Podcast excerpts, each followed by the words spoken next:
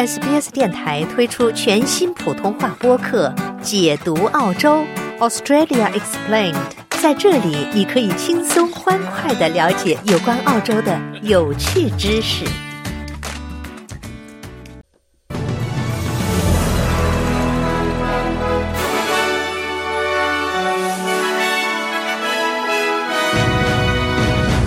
捷克首都发生大学校园枪击案，致十五人死亡。国防部长为政府拒绝组建红海特遣队辩护。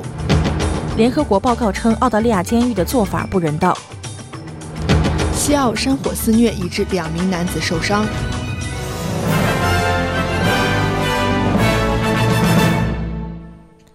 以下是新闻的主要内容：布拉格一所大学发生枪击案，造成至少十五人死亡，二十四人重伤。警方称，枪手是该大学的一名学生，他的父亲被发现死于附近的一个村庄。捷克警方称，他们正在对查尔斯大学发生的枪击事件作出反应，随后报告枪手已经身亡。捷克内政部长拉库桑表示，调查人员不认为这起事件与任何灭绝种族的意识形态或组织有关。澳大利亚国防部长马尔斯表示，澳大利亚将继续在所有重大的全球事件中发挥重要作用。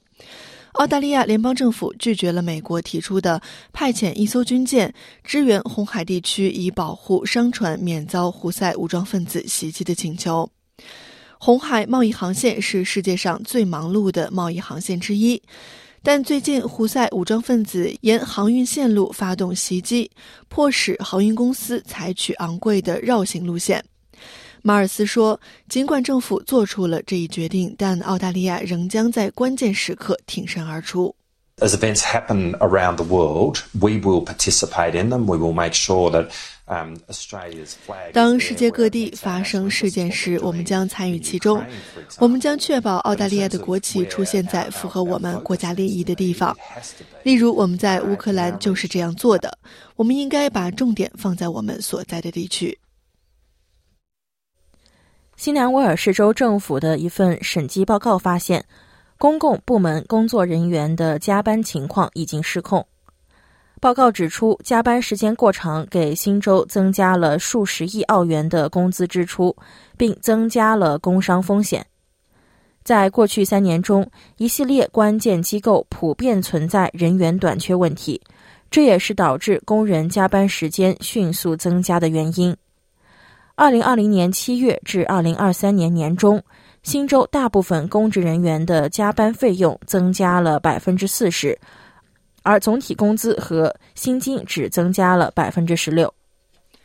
一份由联合国支持的新报告指出，加沙地带整体二百三十万人口正面临着危机级别的饥饿，而饥荒风险每天都在增加。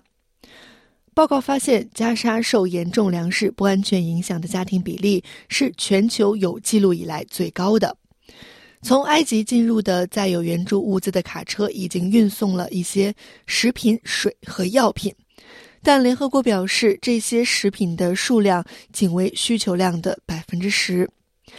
世界粮食计划署首席经济学家侯赛因说：“加沙人民几乎需要援助机构提供的一切。” Five hundred and seventy-seven thousand, meaning more than half a million people, are already.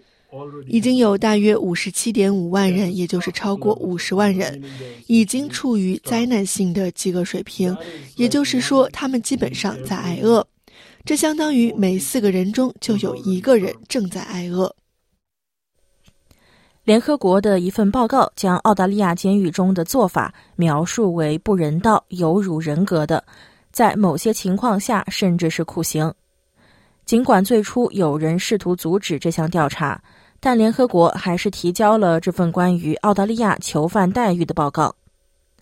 二零二二年十月，联合国防止酷刑小组委员会曾试图进入澳大利亚，但由于被拒绝进入新南威尔士州和昆士兰州的一些设施，他们被迫推迟了行程。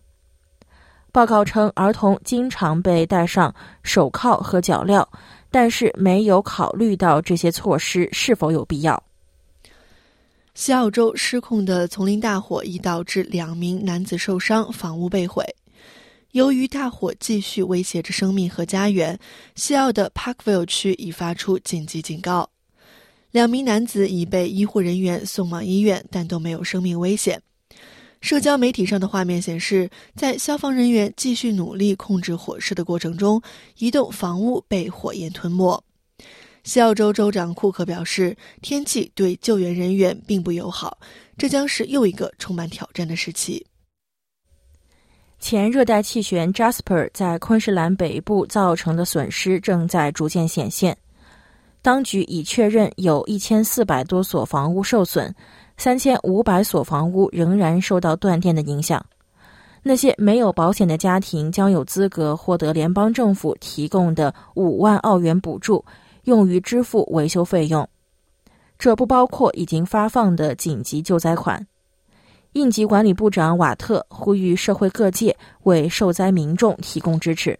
This is a time that we all need to band together, whether we're insured, uninsured, whether we live in the northern beaches, whether we live in other parts of Australia. And I think people. 这是一个我们需要团结起来的时刻。无论我们是否有保险，无论我们住在北部海滩还是住在澳大利亚的其他地区，我感谢全国其他地区的人们也纷纷捐款捐物。 但只要能让昆士兰最北部的社区重新站起来，我们就会与他们站在一起，因为这是世界上最美丽的地方。总理阿尔巴尼斯将前往洪水灾区视察灾情。您正在收听的是 SBS 中文普通话节目。听众朋友，欢迎您继续收听 SBS 电台的新闻报道。接下来，我们来关注一下其他方面的消息。北领地前财政部长劳勒宣誓就职。周三晚，劳勒在工党政府的党团会议上被选出。前首席部长菲尔斯在被揭露持有一家矿业公司未公开的股份后，递交了辞呈。劳勒表示，他所关注的重点是公民福祉、经济和创造更多的就业机会。I know that a change of leadership can be unsettling, especially at this time of the year, and I want to assure Territorians. 我知道领导层的变动可能会令人不安，尤其是在每年的这个时候。我想向全境人民保证，我只关注你们。我的工作是确保我们继续实现领地经济的多样化和增长，创造就业机会，并确保我们所有人都能在一个安全、繁荣的领地上生活。维多利亚州政府不排除为去世的所谓“家具之王”的科佐举行国葬的可能性。科佐享年八十七岁。科佐于一九三五年出生于西西里岛。刚开始经商时，他曾挨家他曾挨家挨户销售电器，之后在 Footscray 和 Brunswick 开设了家具店。但是，正是他在二十世纪八十年代和九十年代用英语、意大利语和希腊语制作的多语种电视广告，让他声名鹊起。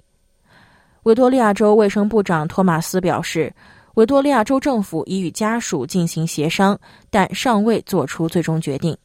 Our thoughts right now are with his family, a much loved icon, a true. 我们现在与他的家人同在，他是一个备受爱戴的偶像，一个真正成功的移民故事。他的故事讲述了在我们这个伟大的州所能实现的一切。他是西部郊区的孩子，深受许多人的爱戴。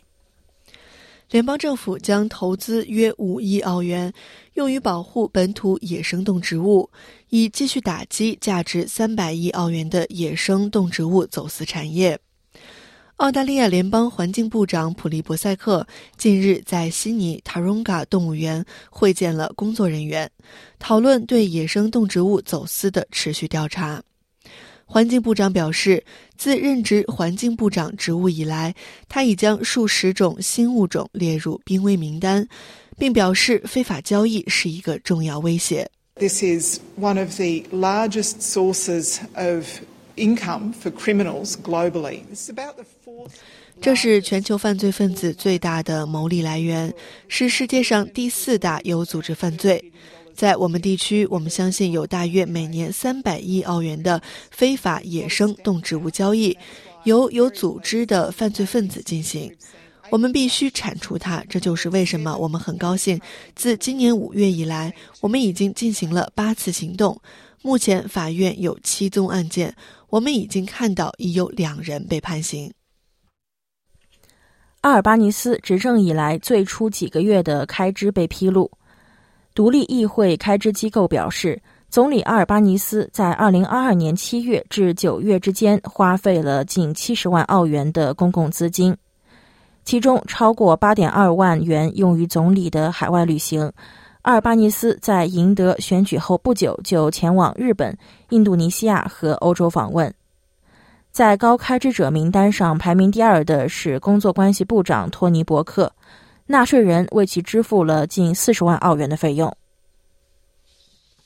运输工人联盟敦促参议院通过一项拯救生命的改革方案。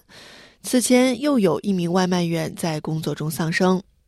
这位二十九岁的外卖骑手的死讯在一年多的时间里一直没有被报道，直到此后又有四名外卖员在工作中丧生。The Age 获得的数据显示，在七年的时间里，已有九百一十七名外卖员受伤，其中大约百分之七十是摩托车手，其余的是骑自行车的骑者。运输工人联盟表示，缺乏工人福利和对工作合同的保护，使得送货平台的员工被迫抢时间完成任务。这意味着他们在道路交通上面临更大的风险。运输工人联盟的全国秘书凯恩表示，改革迫在眉睫。We've got a gig economy that has come into Australia over the last ten years, and it has quite deliberately. 在过去的十年里，我们见证了这种零工经济进入澳大利亚。这种经济模式刻意地将工人排除在我们数十年来建立的保护之外。这些保护包括的是最低工资、能够请病假、能够确保在事情出错时获得工伤赔偿等工人权益。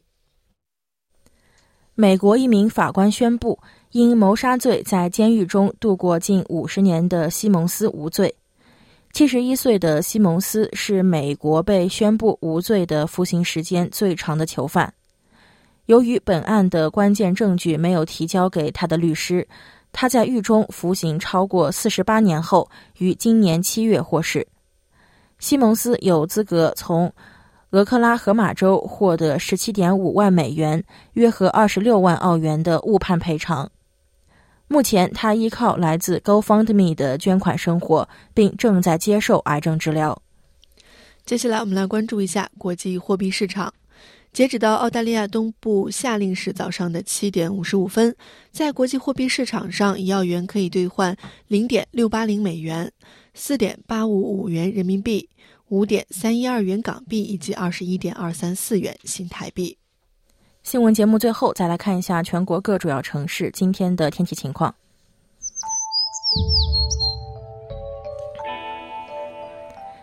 悉尼多云见晴，最高温度二十四度；墨尔本多云见晴，最高温度二十四度；布里斯班有阵雨，最高温度二十五度；堪培拉多云见晴，最高温度二十五度；阿德莱德以晴为主，最高温度二十七度；珀斯以晴为主，最高温度三十二度。达尔文有阵雨，并可能有暴雨，最高温度三十六度；霍巴特多云，最高温度十九度。听众朋友，以上新闻是由林墨为您编译，林墨和雨夜为您共同播报的，感谢您的收听。那么广告之后呢，我们将为您带来的是本期的园艺热线节目。那么，在上两期的园艺热线之中呢，园艺高手张崇岩是和大家介绍了如何使用厨余饲养蚯蚓来生产有机肥。本期园艺热线的第一段时间呢，张老师将带您了解蚯蚓粪便和蚯蚓水的好处和日常的用途。欢迎您在广告之后收听。此外呢，说到园艺啊，圣诞将至，在澳洲呢，其实也有不少和圣诞相关的花卉。新新州的圣诞树花、圣诞铃花呢，也是都会赶在圣诞前后来凑热闹。不少人呢，特别是西人，也会在这个时候去制作圣诞花环。我们呢，将在半点新闻之后带您分享。听众朋友们，我们的热线电话一三零零七九九三二三一三零零七九九三二三，现在已经为您开通了，欢迎您在八点二十到八点五十五之间拨打电话来参与节目，分享您的圣诞园艺计划。